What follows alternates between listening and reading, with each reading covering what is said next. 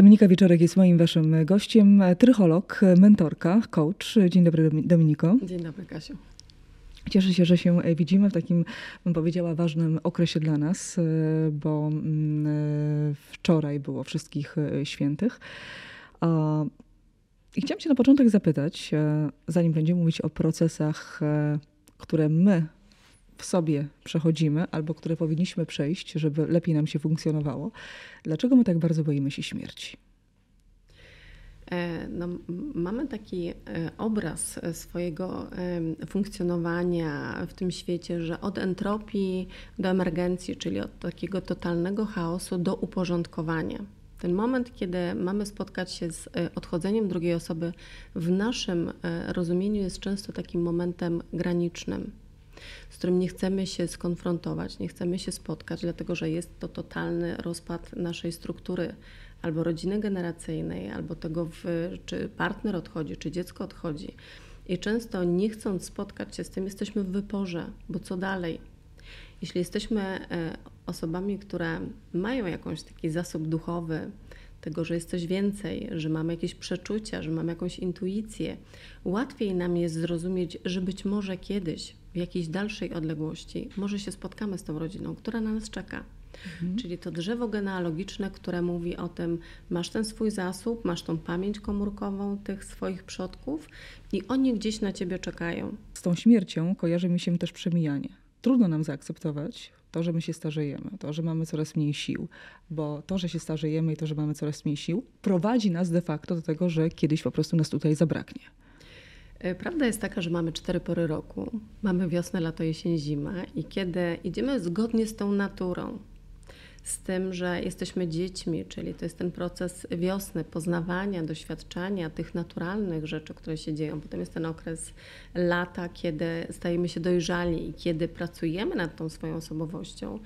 Mamy zupełnie inne podejście, dlatego że nie stajemy e, do zmiany do straty, tylko sami ją umiemy zaimplementować, czyli mamy świadomość tego, że jest moment przemijania, ale jak to przemijanie następuje? Czy ono jest w łagodności, czy ono jest w zrozumieniu, czy ono jest w samoobserwacji, jak ja się zmieniam, czyli kim jestem w porównaniu do 10, 10 lat temu, 15 lat temu. I kiedy mm, jesteśmy w tym spokoju, w tej równowadze, ale też w tej uważności siebie, to doceniamy moment, w którym widzimy ten świat inaczej. Stajemy się pełnią, ale też zharmonizowani w równowadze, kiedy pędzimy. I opieramy swoje życie tylko na świecie zewnętrznym, jak ja wyglądam, jak mnie ten świat widzi. E, szukam akceptacji, przepraszam, na zewnątrz. To jest taki moment, w którym my chcemy uzyskać feedback. Czym jesteśmy, czym to odchodzenie, czym jest ta zmiana. Jedno jest pewne, wszystko się zmienia. Mhm. I im szybciej będziemy umieli same, sami te zmiany w nas dostrzec, e, sami te, tych zmian dokonywać, ale też być w akceptacji, że jest naturalny proces, w którym się rodzimy, odchodzimy. Pytanie, co jest w środku tego naszego życia? Jak my to życie chcemy doświadczać? Kim chcemy być w tym życiu? I jak je przeżyć? Żeby właśnie ten tytuł, który zakończymy swojego życia, e, jak my zatytułujemy tą książkę, to jest ważne.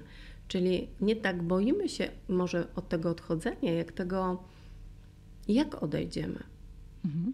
A w którym momencie? To nie jest też tak, że na przykład psychologowie, albo nawet właśnie mentorzy, czy y, y, ludzie, którzy zajmują się coachem, y, czy to nie jest tak, że próbują nam trochę sprzedać szczęście pod przykrywką smutku, że to wszystko próbujecie opakować nam, że to jest niby takie fajne, a jednak człowiek gdzieś wewnętrznie czuje w podświadomości, że mimo wszystko no, widzi ten uciekający czas. E, sam fakt tego, że widzimy upływający czas jest e, takim naturalnym elementem, no bo przecież od dzieciństwa stajemy jako dorośli albo stajemy e, w wieku dojrzałym. W Polsce jest taka tendencja do mówienia, mam 50 lat, no to już jestem w wieku takim no, przedemerytalnym. No teraz to się zmieniło, ale jak to było no na przykład 15-20 lat temu, to no już właściwie właśnie. były osoby w podeszłym wieku. I teraz możemy do tego podejść w sposób radosny, czyli jak mogę tą emeryturę wykorzystać. Mam mnóstwo osób, które są w okresie emerytalnym. I mówię, kiedy możesz wyjść do świata właśnie teraz, kiedy masz tą swoją mądrość, masz ten zasób, masz ten czas i potencjał, kapitał do tego, żeby opowiedzieć, jak można to życie fajnie przeżyć. Czym jest to Twoje doświadczanie tego życia? Czym jest to czytanie książki, pójście na spacer, e, nawet e, zawitanie do grupy seniora, gdzie możemy poczuć się częścią zespołu. My się wcale nie musimy wpasowywać w trendy młodych ludzi, gdzie na siłę się odmładzamy, na siłę się botoksujemy, bo mm, w pewnym sensie widzimy w e, lustrze niby młodą osobę, która jest po liftingu, ale w środku, kiedy nie mamy tych zasobów, to czujemy dalej kryzys. Mhm. Nie mamy zasobów dlaczego? Co powoduje, że nie chcemy czerpać z, z, też między innymi ze swojego doświadczenia? No te zasoby to jest coś takiego, że jeśli nie umiemy ich odkryć, to trzeba po nie sięgać w sposób świadomy. Czyli my jako istoty ludzkie jesteśmy bardzo subiektywni, ale kiedy nie odkryjemy tej samoświadomości, nie samoporządkujemy się, czyli można powiedzieć nasz umysł, kiedy jest kognitywny, on przypomina komputer, który jest bazą danych, bazą informacji i kiedy nie aktualizujemy dosłownie tych naszych skryptów, które mamy od dzieciństwa do życia dorosłego, to nie umiemy cieszyć się tym życiem. Dlatego, że wzorce, przekonania i rzeczy, które pasowały nam jako dziecku 6-letniemu, 16-letniemu, kiedy przechodzimy w inne grupy społeczne, zaczynamy się rozwijać, zaczynamy doświadczać, zaczynamy eksplorować to życie inaczej, My cały czas idąc starym wzorcem, coś nam przeszkadza. I kiedy nie mamy tej uważności i nie mamy tej świadomości, że w ogóle możemy się samo uzdrawiać, możemy aktualizować, to my wybieramy, jak się czujemy.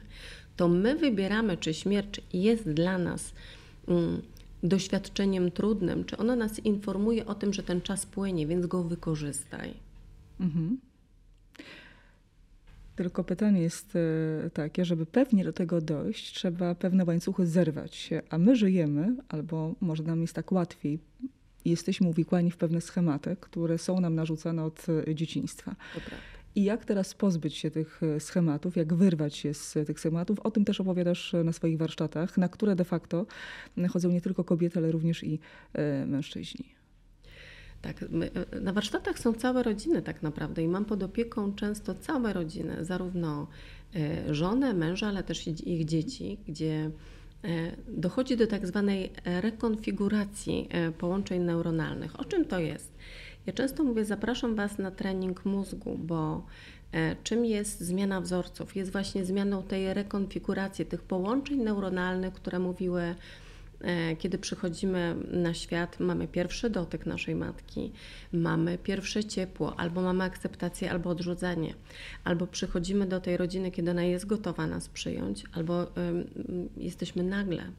E, wchodzimy, wkraczamy w świat e, życia zawodowego naszej matki albo ojca i oni nie mają na to czasu, czyli jesteśmy albo wyczekiwani, albo nie, albo wchodzimy, przychodzimy do tej rodziny w porę, albo nie.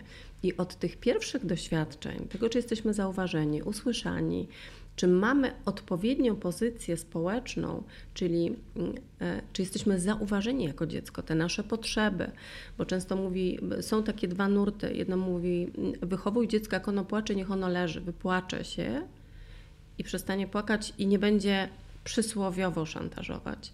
Drugi nurt mówi, przytul to dziecko, karm na żądanie. I w zasadzie można powiedzieć, jesteśmy zawsze między szklanki brzegiem a dnem. Pytanie, co my chcemy wybrać? My całe życie dokonujemy wyborów. Pytanie, czy robimy to świadomie. Pytanie, czy w momencie, kiedy e, dochodzimy do punktu, kiedy mamy wybrać partnera, pracę, czy, czy czujemy, że to my wybieramy? I teraz muszę tutaj mały przecinek a propos tych schematów, w które uważam, że jesteśmy jednak uwikłani. Taki prosty, prosty przykład.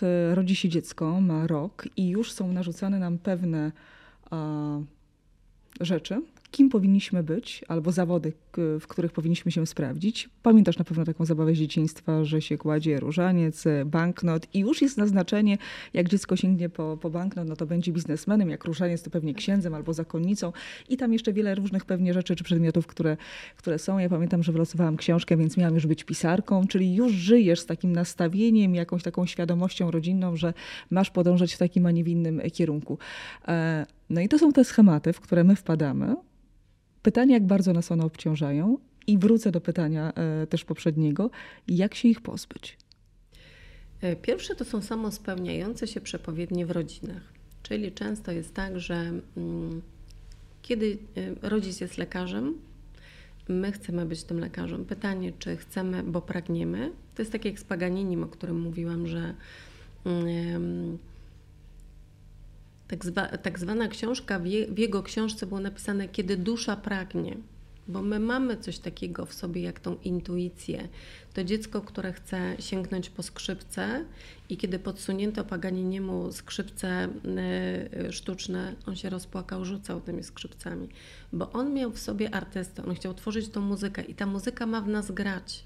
I kiedy nie jesteśmy połączeni z tą swoją intuicją, czyli cały czas te filtry przez rodziców są narzucane zabawkami, Y, określonymi działaniami i nie słuchamy, czyli nie pozwalamy temu dziecku się wyrazić, co ono by chciało.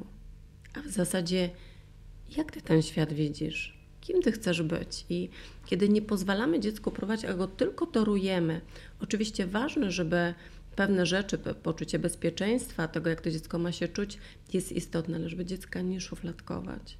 Czyli to jest pytanie, kiedy ten nasz nastolatek rośnie i ma wybrać szkołę, w zasadzie może nawet nie wiedzieć, co chce robić, to też jest ok, bo ma prawo próbować, mamy prawo eksplorować to życie i nie wiedzieć, czy chcemy być mm, w tym zawodzie, czy w tym. Dzisiaj żyjemy w świecie informacyjnym i te nasze zawody bardzo często się zmieniają. Często lekarz i e, takie, e, takie e, zawody pomocowe, one zostają, ale zobaczmy, ile osób zmieniało w swoim czasie zawód. Ci, którzy byli bankowcami, ci, ci, którzy byli księgowymi, często na sesjach mówią: Nie jestem na swojej ścieżce, ja czuję, że to nie jest moje. I kiedy pytam, o czym marzysz? Jest długa cisza, wręcz niezręczna. I mówię, ale o czym marzyłaś w dzieciństwie? Mhm. I tu się pojawia uśmiech na, na, e, na ustach, bo ktoś mówi, wiesz co, w dzieciństwie marzyłam na przykład, żeby malować, w dzieciństwie marzyłam, żeby tańczyć. Więc jaki klucz jest do tego, żebyś mogła tańczyć, żebyś mogła malować? Kup płótna, zacznij malować i nie patrz na to. Ale pojawia się taka myśl, że mam już powiedzmy te 40-50 lat i to już nie jest ten moment na to, żeby na przykład zmienić całkowicie swoje życie, bo brakuje nam pewnie też między innymi odwagi, może trochę i siły i przewartościowania swojego e, świata. I też takie pytanie, nie wiem, no chciałabym być piosenkarką. Ja akurat nie, ale aktorką. I w wieku 40 lat uważam, że jest to marzenie już praktycznie nie do zrealizowania. No ja bym tu się nie zgodziła, dlatego że mamy dużo też hollywoodzkich gwiazd, które mm, mężczyzn na przykład, którzy ze swojej pasji sztuk walki doprowadzili doprowadziło ich to, że w wieku 45 lat stali się ikoną. Zresztą wiele kobiet się w tych, tych mężczyznach kocha. Więc bym powiedziała, że mm, to nie jest tak. To, jest, to są nasze wzorce, ale też przekonania, że w wieku 45 lat kobieta jest już u schyłku. Ona jest w okresie przedmonopauzalnym, więc to są jej jakieś e, fanaberie i w zasadzie, kiedy pozwolimy sobie na to, żeby nas wsadzono, czyli utorowano w stare szyny, czyli tak jak pendolino wsiadamy w, w Warszawie i wysiadamy w Zakopanym, nie pozwalamy sobie na te boczne tory, czyli na te połączenia neuronalne, które spowodują nowe doświadczenie. A w zasadzie jeśli chcę grać, to jaką mogę być aktorką? Mogę mhm. swoje życie odgrywać na nowo, czyli kim chcę być w tym moim życiu. Jeśli ta droga, którą dzisiaj prowadzę, moje życie, nie jest moje, to jakie ma to życie być? I nie musimy być y, aktorką, y, bo w Polsce też ciężko się na tym aktorstwie niestety umówmy. Taki przykład, bo to oczywiście tak. tych zawodów y, czy pasji e, może być o wiele więcej. Ale uważam, że można iść na emisję głosu, można popracować nad tym, żeby śpiewać, można też w internecie. Jest mnóstwo dzisiaj możliwości występować i mówić do ludzi. Jest Instagram, na którym bardzo dużo osób mówi też do innych osób. Nie musimy dzisiaj bo też zawód aktora jest przereklamowany. Kiedy spojrzymy na drugą stronę tego aktorstwa, często możemy, czy, czy tego śpiewania, był bardzo ciekawy film ostatnio o jednej ze, ze, znanych gwiazd amerykańskiej estrady.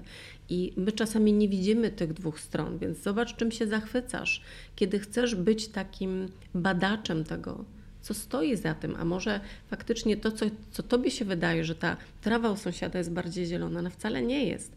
Często trafiają do mnie kobiety, które mówią, nie chcę być z moim mężem, ja się chcę z nim rozejść, on mnie denerwuje, on, on, on nie robi tak, jak chce, ale kiedy, y, proszę, poczekaj chwilę, zdążysz to zrobić. Pochyl się nad sobą. Zobacz, co tam gra na, e, drga na granicy uwagi. O co potrzebujesz zadbać? Jak się chcesz sobą zaopiekować? Co jest to, czym myślisz o sobie dzisiaj z perspektywy 20 lat tego małżeństwa?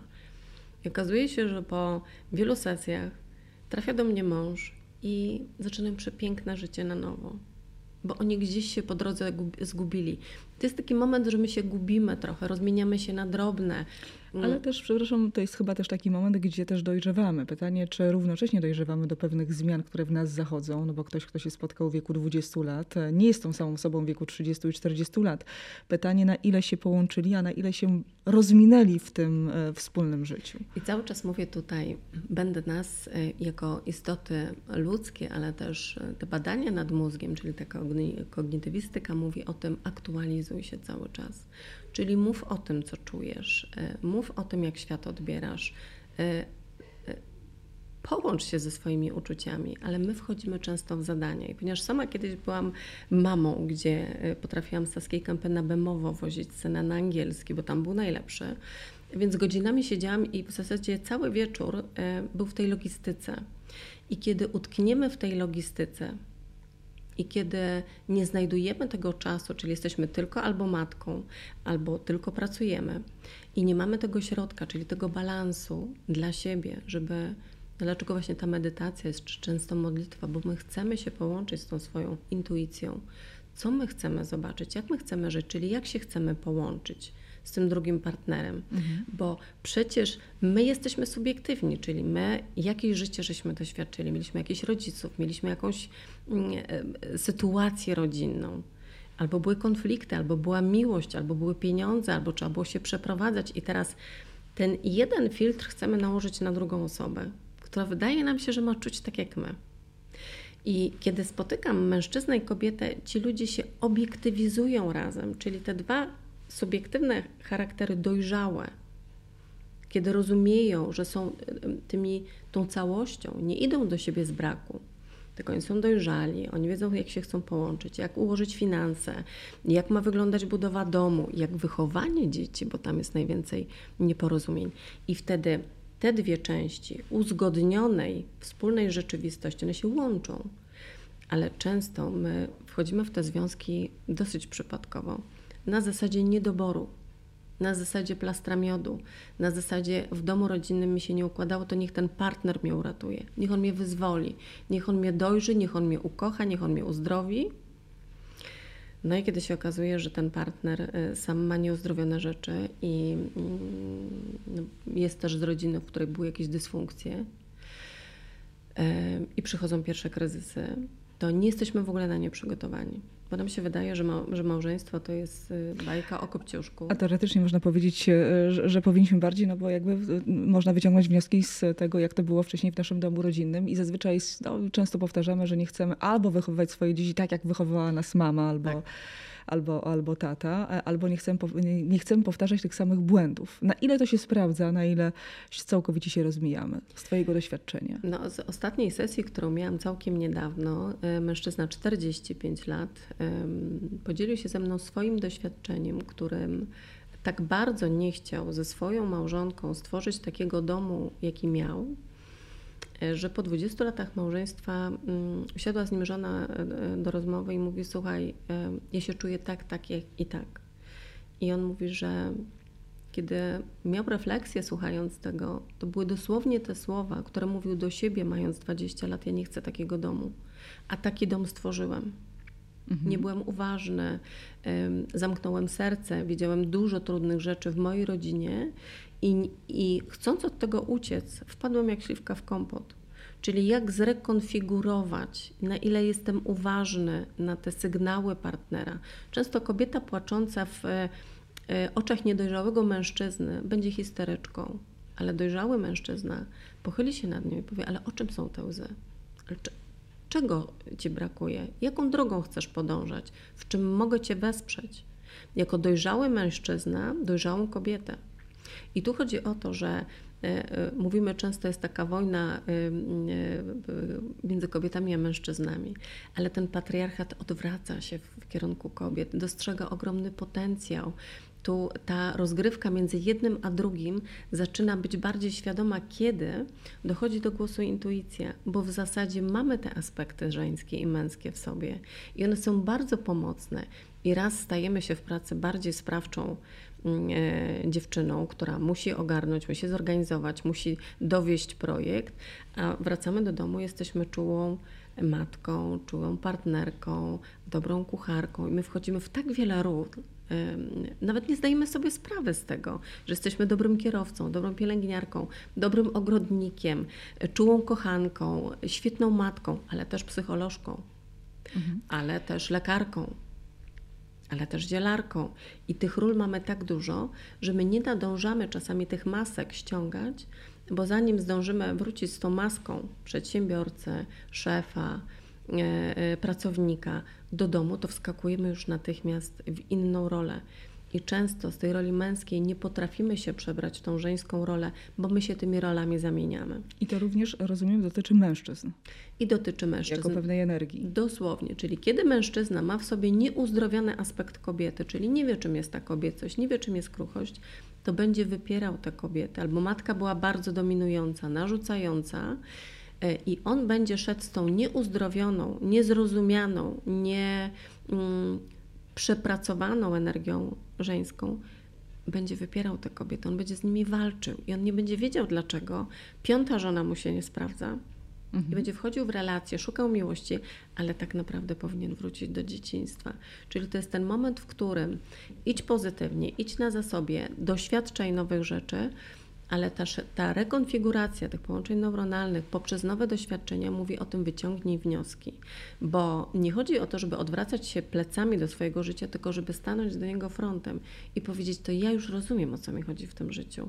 Czyli te zasoby z dzieciństwa, które były wzorcem pierwotnym, tym zasianym ziarnem, które kiełkowało, to nie jest o tym, że jest wszystko złe, tylko to, co nam nie służy, możemy zamienić. Czyli jeśli nie lubię tej diety, którą miałam jako młoda dziewczyna, bo tyłam, bo jadłam dużo słodyczy, ale przecież w moim domu gotowano, piek, pieczono i jedzono niezdrowie, to przecież ja niezdrowo to mogę jako osoba dorosła, która już ma wiedzę, która ma dostęp do informacji, może iść do dietetyka, może zmienić tą dietę.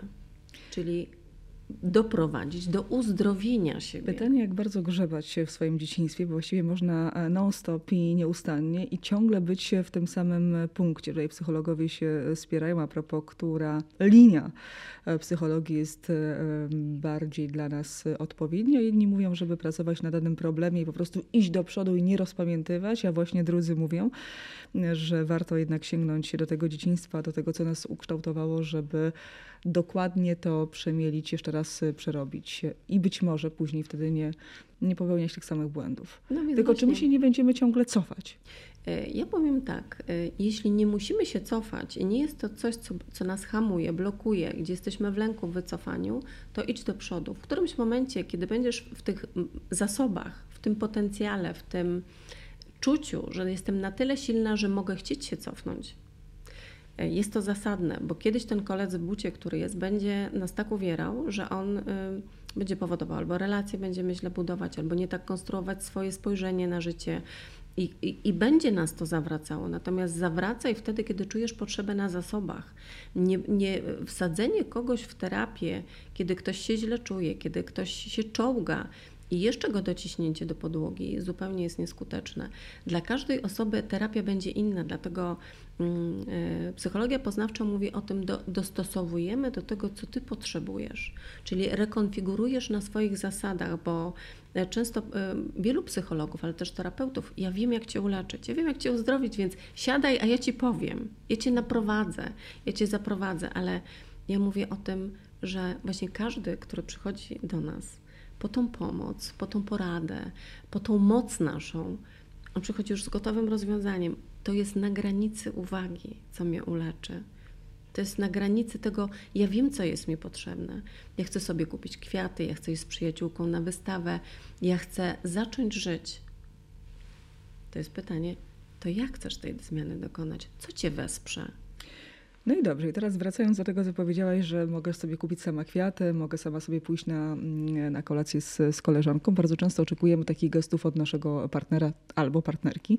Podejrzewam, że bardziej oczywiście kobiety czekają na pewne gesty jako dowód miłości tak, od, od mężczyzny, czy tego, że są, że są kochane. Nie mają tego i co? Ja powiem tak, ja bym tutaj w ogóle uciekała od takiej generalizacji, że my czegoś potrzebujemy jako kobiety, bo zarówno staje po stronie mężczyzn, jak i po stronie kobiet. Wyczekiwanie tego, że nas ktoś wybawi, że nas ktoś uleczy, uzdrowi, będzie nas supportował, będzie z nas płacił wszystkie rachunki, a my będziemy nie. W, w, oczekiwaniu jak bluszcz, no stańmy do tej dorosłości. To dziecko jest w tym wyczekiwaniu, y, y, pozwól mi, zobacz mnie, y, czy ja dostaję czwórkę, czy to jest dobrze, w tym zasługiwaniu. Kobieta dorosła, dojrzała, kiedy nie wychodzi z pozycji dziecka, jest osobą, która proponuje. To jest inicjowanie, to jest uzgadnianie w tym wspólnym polu, a czego my w zasadzie potrzebujemy, jakie są nasze potrzeby. No, kiedy ten mężczyzna po 12 godzinach pracy w korporacji wraca do domu, to umówmy się, że średnie ma mm, chęci, żeby e, sprzątnąć, ugotować czy zająć się czymś kreatywnym. My musimy też rozumieć swoje Mm, biologiczne predyspozycje do tego, że kiedy ten umysł jest zmęczony, czyli kiedy te nasze połączenia, styki neuronalne są przepalone, przemęczone, to nie oczekujmy, że ktoś wyskoczy z nami z propozycją, to teraz idźmy tu, to teraz idźmy tu. Dlatego, że kiedy jesteśmy zmęczeni, jesteśmy mniej kreatywni, jesteśmy mniej cierpliwi, jesteśmy mniej uważni, i teraz od tej naszej inteligencji emocjonalnej zależy, co chcę zobaczyć w tym drugim człowieku, jak ja chcę interpretować to. Czy ja, to, że on zostawił na progu e, buty, to jest to, że on mi robi na złość, czy on jest tak zmęczony, że ja mogę sprzątnąć te buty i nie jest to e, łyżką dziegciu, tylko jest, e, jest moją uważnością. Jak mogę wesprzeć mojego partnera i jak mogę wesprzeć moją partnerkę w tych ich potrzebach mhm. albo i ułomnościach, bo nie łączymy się tylko y, w tej przestrzeni zasobów, ale też bierzemy cały bagaż doświadczeń. Dlatego zawsze mówię, spójrz na tego partnera i na jego rodzinę generacyjną, na to, jak matka z ojcem się komunikowała, jak rozwiązywali problemy, bo to będziesz mieć u siebie na stole, to będziesz mieć u siebie w domu, to będziesz mieć u siebie w sypialni. I kiedy dojrzale stawiamy się do roli partnerki, ale to jak my chcemy ten dom tworzyć, jak my chcemy zarządzać finansami, a co będzie, kiedy nasze dziecko będzie nam sprawiało problemy? Jak my się będziemy wspierać? Już teraz tak trochę humorystycznie, to podejrzewam, że gdyby tak e, każdy uważnie prześledził rodzinę swojej partnerki albo partnera, to wiele związków mogłoby nie powstać, patrząc e, na sposób komunikacji i to, jak to wcześniej, wiesz, wyglądało. Pytanie, czy potrafimy wyciągnąć wnioski i pytanie, kto bardziej mm, z twojego doświadczenia chociażby warsztatowego, kto bardziej potrafi wyciągnąć rękę? Y, ja bym powiedziała, że y, dzisiaj ta świadomość bardzo się budzi. Często jest też tak, że, że synowie kupują matce warsztat, y, czy, czy nawet sesję, czy partnerka swojemu partnerowi mówi, słuchaj, idź zobacz, tak? czy, czy będzie Ci pasowało.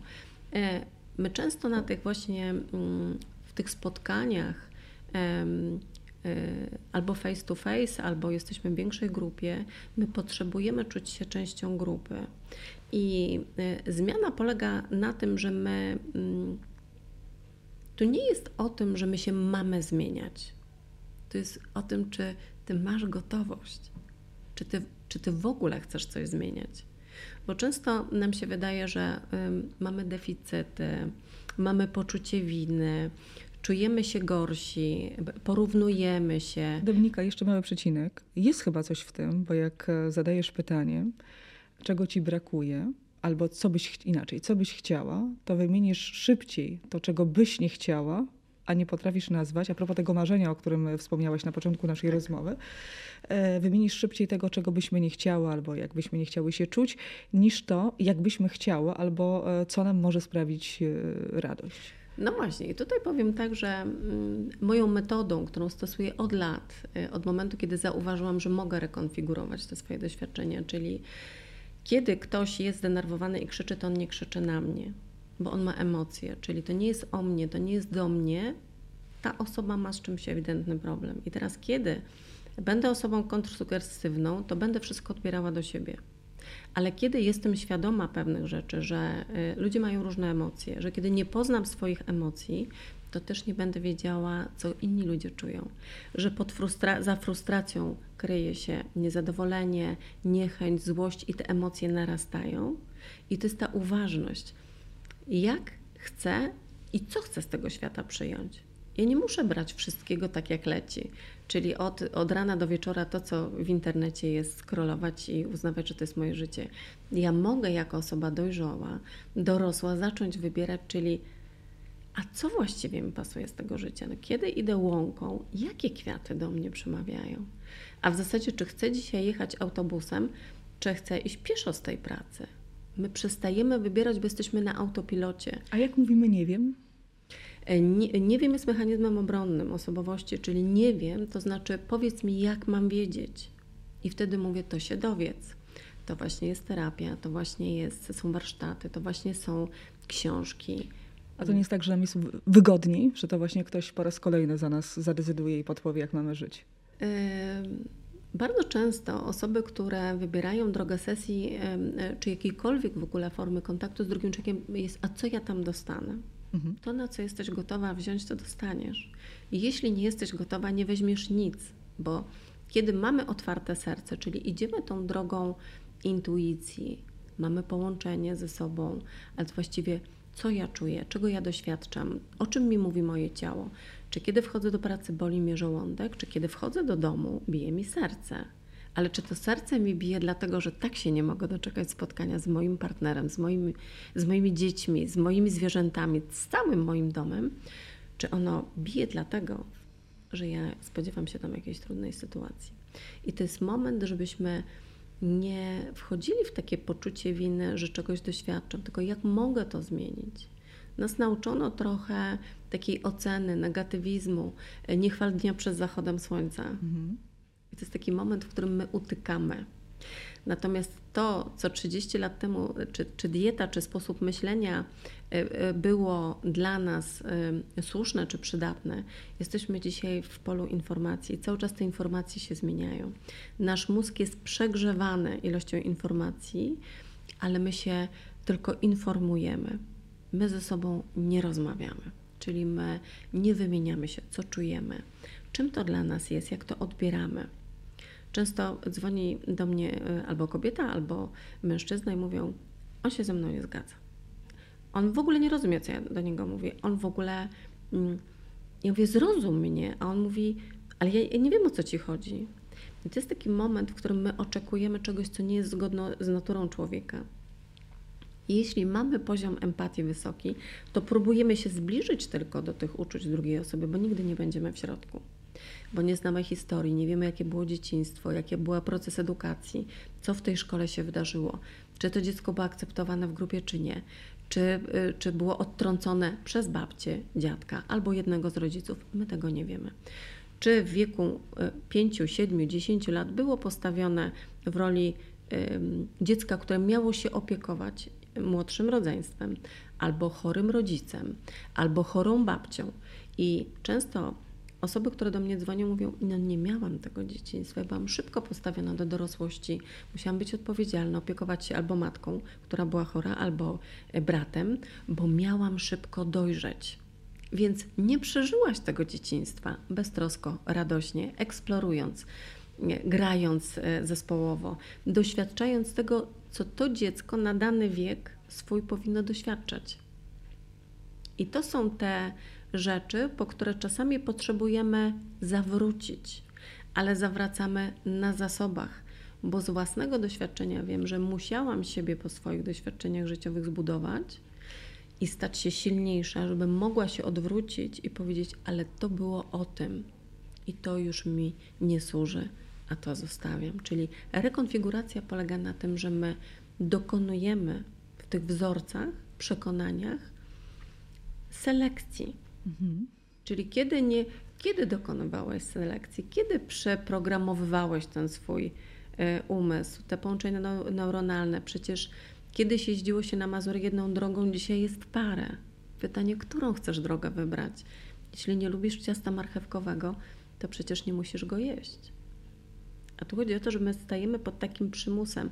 Kiedy moja matka nie była szczęśliwa, czy ja mogę być szczęśliwa? Czy to nie jest zdradą mojej matki, kiedy ja do niej przyjdę i powiem: Jestem zakochana, mam szczęśliwy dom i co dalej? Kolejny paradoks.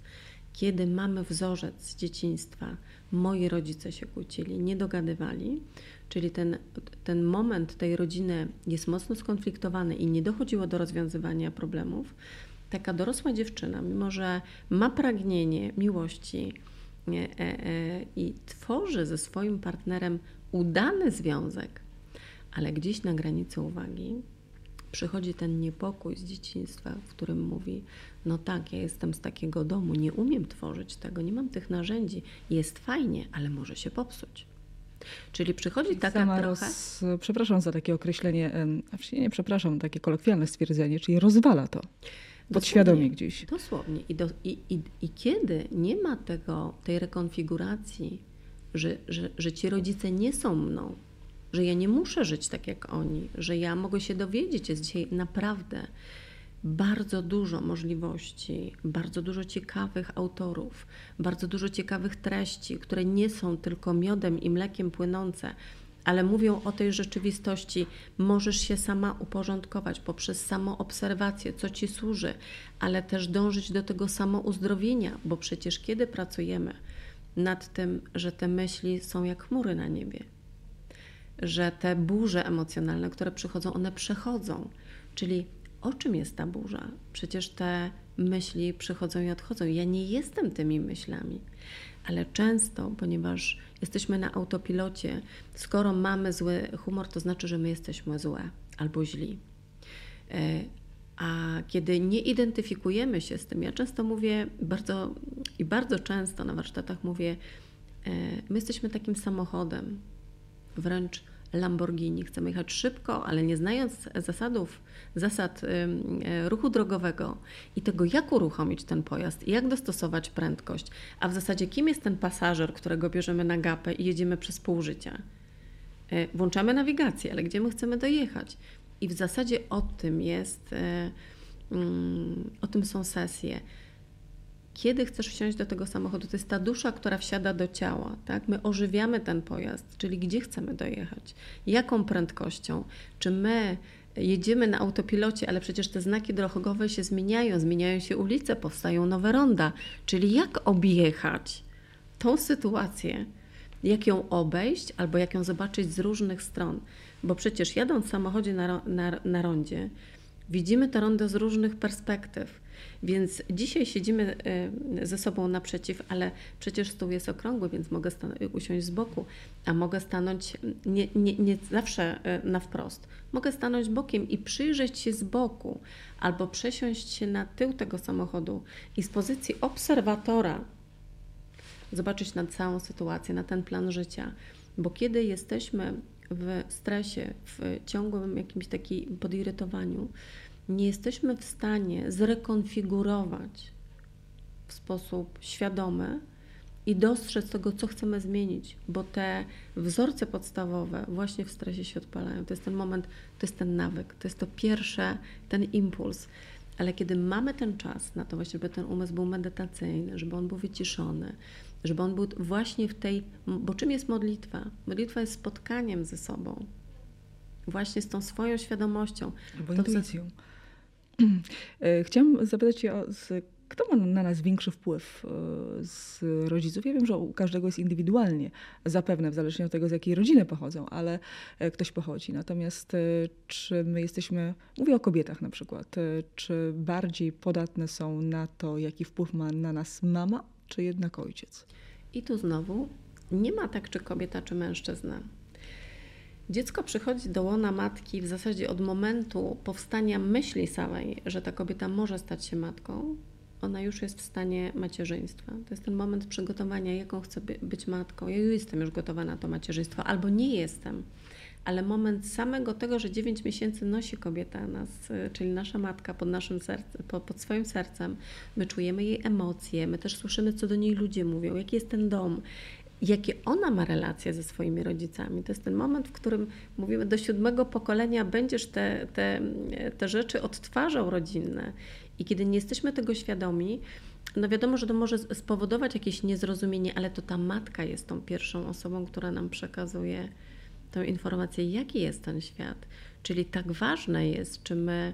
Mm, będąc w ciąży, jak, jaki mamy stan umysłu, jak my ze sobą pracujemy. Ja często w, w ciąży słucham e, Bacha, dlatego że on e, synchronizuje dwie półkule, uspokaja, wyciszy, wycisza i, i bardzo dobrze wpływa na płód. Zatem są już badania, co na nas dobrze wpływa. I kiedy kobieta w uważności nosi nas pod, pod, pod tym sercem, i przychodzimy na ten świat, dla mężczyzny nic się nie dzieje, on się tylko przytulił do kobiety ale dla kobiety zmienia się cały świat, zmienia się jej całe ciało, ona staje się matką. I to jest ten pierwszy dotyk, który mamy tej mamy. Ona nas przytula, przecież kładzie nas położona na brzuch, tak? To jest ten pierwszy oddech, to jest ten pierwszy kontakt. I pytanie, czy ta matka jest czuła, czy ona ma wsparcie mężczyzny, czy ona ma wsparcie rodziny, czy ona, czy, czy ona w zasadzie jest gotowa na bycie tą matką, mhm. a w zasadzie bycie matką to znaczy kim? To znaczy, co mam zrobić? To znaczy, jak ja doświadczam tego świata. I często, kiedy matka jest zmęczona i kiedy wstaje nocami do tego dziecka, jest mniej cierpliwa. I my tego wszystkiego jako dzieci doświadczamy. Zatem, czy jesteśmy mężczyzną, czy kobietą, te pierwsze doświadczenia pochodzą zawsze od matki, bo to matka w domu decyduje, czy te podarte spodnie u Mariana czy u Krysi są pierwsze do wymiany. To matka decyduje o tym, które dziecko idzie do lekarza. To matka czuje, że jej dziecko choruje. I matki intuicja jest niebywała. Matka jest z dzieckiem połączona. Matka wcześniej wie, niż wie lekarz, niż wie samo dziecko. Zatem jesteśmy tak bardzo silnie połączeni, że ten moment, kiedy mm, chcemy się oddzielić od tej mamy, my się możemy fizycznie oddzielić, ale mentalnie czasami nie odcinamy się od tego, co żeśmy mieli w domu. I często właśnie, kiedy ta mama była cierpiąca, albo była chorująca, e, albo była w programie ofiary, albo była w ucieczce od życia, bo była pracocholikiem, albo były straty w rodzinie, albo zamknęła serce, bo ją ojciec zostawił. My nieświadomie te wzorce powtarzamy. Mhm. I e, matka ma wpływ na to właśnie, jak ten chłopiec kocha, czy on jest uważny, czy on ma otwarte serce, jak ta dziewczyna pozwala siebie doświadczać, czyli co ona czuje. Czyli ta mama często też jest tym czynnikiem, który mówi, jak zarabiam pieniądze. Rozwin proszę tę myśl. No tu jest tak, że ponieważ kobieta zarządza tą, tymi finansami w domu, mężczyzna jest tym zdobywcą, czyli on zaspokaja tak naprawdę, kiedy ta kobieta jest w tym domu, to mężczyzna dostarcza często w tym świecie y, rodzinnym, w tej przestrzeni tego jedzenia, tego, że no ona ma być zaopiekowana, ta matka. I on, dzieci dorastając w tym rodzie, to one widzą, że matka decyduje, jakie są zakupy w lodówce, jaki jest obiad, y, czy, czy y, te pieniądze są dobrze gospodarowane, y, czyje potrzeby są najpierw realizowane. Mhm. I stosunek matki do pieniądza odwzorowuje nasz stosunek do tego, jak my postrzegamy siebie w rzeczywistości materialnej, jaką siłę mamy do tego, żeby tymi pieniędzmi zarządzać. Czy my zasługujemy na te pieniądze, czy my nie zasługujemy czy my jesteśmy w pozycji tego lidera, że ja mam prawo tak czuć. To jest to, co zawdzięczam mojej mamie. Kiedy chciałam się inaczej ubrać, uczesać, mama mówiła: Wyglądasz fenomenalnie, jesteś kapitalna. Masz prawo tak wyglądać. I ja zawsze szłam inaczej ubrana, miałam prawo zawsze inaczej myśleć. I nawet kiedy zdarzały mi się w życiu potknięcia, miałam bardzo dużo akceptacji. Zawsze i od mamy, i od ojca nigdy nie dostałam że nie wypada, nie tak źle i tak dalej. Prawda. Właśnie tu y, zastanawiam się, skąd ta moja siła, skąd ten mój zasób, ale to jest właśnie ta matka, która dzisiaj po latach, y, będę, mam nie żyje ponad 24 lata, y, ale cały czas, mimo że jej nie ma, pamiętam jej słowa, jesteś fenomenalna, jesteś kapitalna, masz cudowne rozwiązanie, jesteś mądra, idź dalej. To nieważne, co się stało, idź dalej. I to idź dalej spowodowało, że ja idę aż do dzisiaj. To jest ten moment, w którym wiele osób mówi, skąd masz tą siłę, ale w zasadzie, co ty robisz? I kiedy zaczęłam się nad tym pochylać, Kiedy do mnie pacjenci przychodzili do gabinetu trychologicznego i pochylałam się nad tą głową osób, które nie były skontaktowane ze sobą, były w lęku, często były w jakimś poczuciu winy, coś źle zrobiłam, bo często rodzice oceniali, bo często rodzice mówili, że to niewłaściwe, bo często rodzice y, mówili, bo to złe jest dla ciebie, bo to jest niewłaściwe, bo tu źle robisz, bo, bo się nie uczysz, będziesz idiotą. I takie historie, tak jak żeśmy rozmawiały, opisywał Milton Erickson, który mówił, kiedyś ktoś kogoś nazwał w życiu idiotą i ten chłopak nie umiał się nauczyć pisać, nie umiał się nauczyć czytać dlatego że za niego w życiu już ktoś zdecydował. I kiedy trafiamy na słabszy moment jednostki, to jest ta samospełniająca się przepowiednia i ciężko często się z tego wygrzebać. Zatem często w tym gabinecie trychologicznym, kiedy miałam te osoby, z którymi pracowałam, każdy mówił, no nie tylko mam poradę z wypadaniem włosów, ale Pani jest taka, że tutaj jakby Pani nam z pleców zdjęła z 15 kilo. Pani powinna z ludźmi pracować. Pani to w zasadzie bardziej jak psycholog. I zaczęłam się nad tym bardzo mocno zastanawiać, bo wielu moich przyjaciół, którzy pracowali w korporacji, ale też na różnych stanowiskach, ale też mamy, które do mnie przychodziły i w zasadzie bardzo różne grupy społeczne, zawsze dostrzegały ten ogromny zasób, który ja czułam. Bo w zasadzie mnie moje porażki budowały to nigdy nie było o tym, że ta porażka jest tym momentem, w którym mogę się wywrócić. To był stopień na mojej drabinie do rozwoju osobistego, czyli tą informacją, mm czyli ja tak nie mogę zrobić, to trzeba inaczej. Nie znaczy, że to jest złe, ale pójdę teraz inną drogą. To ja poszukam.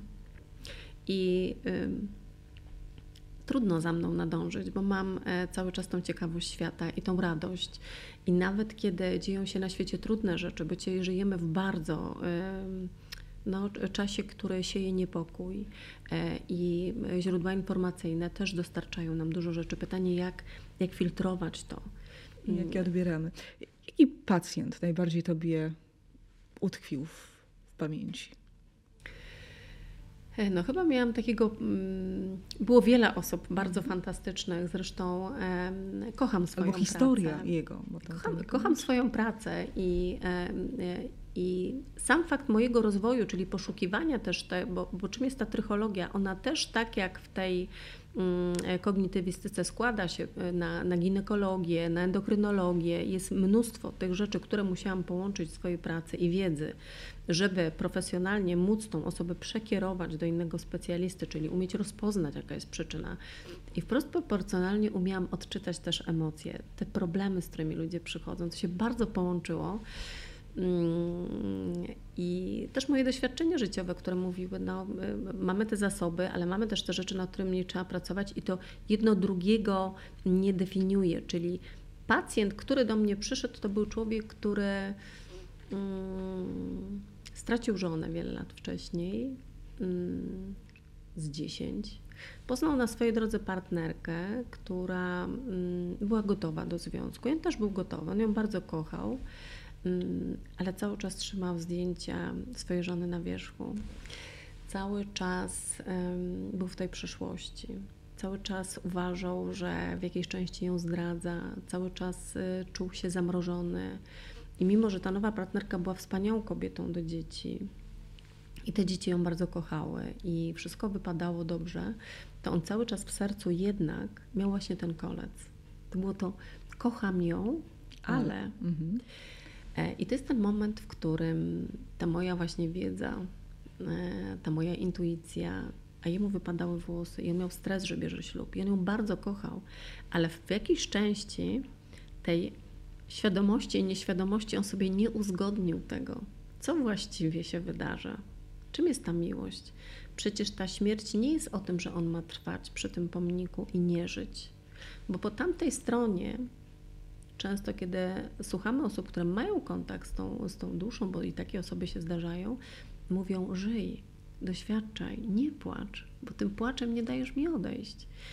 Zatem y, był taki moment, w którym dostał pomoc psychologiczną, ale też powiedziałam: napisz list do tej żony. Pożegnaj. Tak jak potrafisz. I to jest taki moment, kiedy właśnie w tym liście spotykamy się sami ze sobą, czyli ta część nieświadomości i świadomości musi się w nas spotkać, żebyśmy mogli dokonać tej zmiany, czyli tej rekonfiguracji danej relacji, danego doświadczenia, danej traumy z dzieciństwa. Czyli czasami musimy wrócić, ale z zasobami, bo to jest ważne.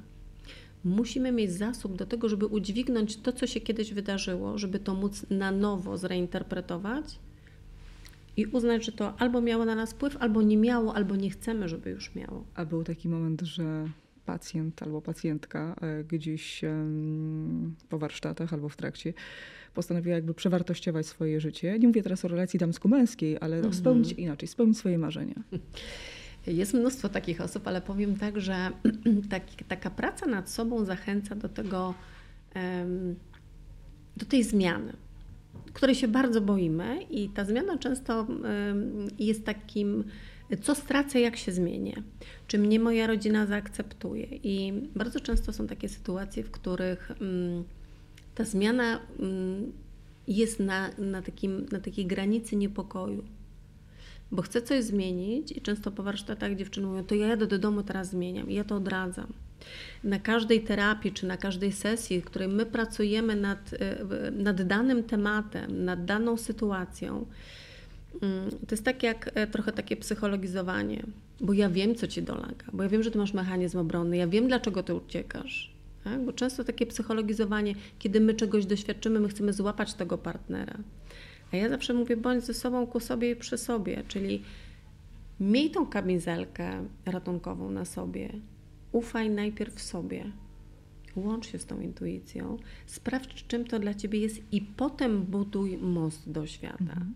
Ty nie wbiegaj na czołowe z tym światem. Ty się zastanów, na jakich zasobach, co cię wspiera i z czym ty chcesz wyjść do tego świata. To jest ten moment tej sesji, tego potencjału, który idę przez życie i mówię: Kocham ludzi. Ja, ja spotykam osoby i ktoś mówi, wiesz, ten świat jest zły, ja tego nie widzę. Ja spotykam się z tak czasami trudnymi osobami, tak pogubionymi i tak konfrontującymi, ale mówi, miłość wszystko zmienia. Ja te osoby przytulam. I każda osoba jest dla mnie bardzo ważna, bo my tą miłością jesteśmy w stanie rozpuścić każdą jed, każdy jeden gniew, bo miłość ma siłę rozpuszczenia lęku, czyli w tej miłości zastanów się, jak siebie kochasz. Mhm. Co ty chcesz temu światu pokazać? A w zasadzie na czym ty chcesz ten most zbudować ze światem? Na czym chcesz oprzeć relację z tym drugim człowiekiem? A w zasadzie, co ty w tej pracy chcesz uzyskać?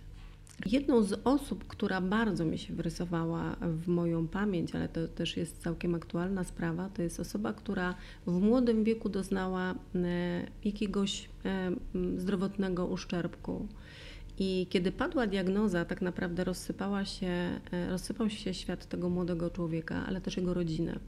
Bo często, kiedy ktoś zaczyna chorować albo coś się u niego zaczyna dziać źle, to, to, to wpływa to na całą rodzinę. I e, ten młody człowiek trafił do szpitala na krótki okres czasu, byliśmy cały czas w kontakcie, e, ale był też przed bardzo ważnym doświadczeniem życiowym, czyli zdaniem tak naprawdę dużego egzaminu w swoim życiu na uczelni i rodzina się załamała, rodzina się bała. Natomiast ja właśnie mówię o tych diagnozach. Często my jesteśmy ofiarami tych diagnoz. I co tu się wydarzyło ciekawego? Mm, faktycznie pracowaliśmy co tydzień. Faktycznie mm, byłam chyba jedyną osobą, która wierzyła w ten jego sukces. Ja znałam jego potencjał. Wiedziałam, że to jest człowiek inteligentny, mądry, z zasobami, ale się potknął. To było to potknięcie. I kiedy rozmawiałam z nim o tym egzaminie, on mówi: Ja tego nie zdam. Ja nie wierzę, ale ja mówię: Ale ja w ciebie wierzę. Pracujemy. Dasz radę. To jest tylko potknięcie. U ciebie wszystko, to zachwianie, to, to jest tylko moment, w którym my wypadamy z tych torów. Mhm. Jest wszystko dobrze. I co się okazuje? To jest mój ogromny sukces. Ja właśnie tą, tą, tą swoją intuicją, tą, tą też takim szacunkiem do drugiego człowieka e, pracowałam z nim, wzmacniając tak naprawdę te jego zasoby. E, dzwoniłam z nim do jego e, wykładowców, pisałam z nim razem maile, bo on miał momenty wycofania, ale mówiłam: Jestem z tobą, jestem przy tobie Jeśli nie wiesz jak, uzgodnimy to i zrobimy tak, żeby było dla ciebie dobrze. I co się okazało? Zdał inżyniera. Miał certyfikat. Ja miałam łzy w oczach, jak dostałam telefon od jego zapłakanego ojca, który mówi: Dominika, mamy to. To jest fenomenalna robota. Ale tu trzeba iść dalej. I tu chodzi o to, żeby nie utykać w tych diagnozach, bo my mamy nawet kiedy, właśnie to co jest ciekawe, po udarach, po wylewach, część mózgu została zalana, czyli można powiedzieć została zde zdeaktualizowana, ale my się uczymy na nowo, czyli znowu chodzimy, uczymy się mówić, zaczynamy na nowo postrzegać ten świat i my możemy rekonfigurować ten swój mózg, czyli poprzez nowe doświadczenia, które dałam w, y, w kontakcie z tym młodym człowiekiem, że może inaczej myśleć, postrzegać, i rób dalej tak, jak robisz. Masz ten zasób, jestem z tobą. My często potrzebujemy tej obecności drugiego człowieka, ale jestem bardziej za plecami, jestem niewidoczna. Ja nie, nie wprowadzam zamieszania w życie, tylko zobacz, jak ty możesz. Czyli zapraszasz, a nie nakazujesz. To jest zaproszenie, dlatego że my cały czas mamy coś od dzieciństwa narzucane. I y, uważam, że tylko w wolności tym kontakcie ze swoją intuicją, połączeniu z uzdrowieniem, wybaczeniem, ale też zobaczeniem, tą rekonfiguracją wzorca pierwotnego, jesteśmy w stanie postawić siebie do dorosłości. Bardzo ładna puenta naszego spotkania. Bardzo Tobie dziękuję.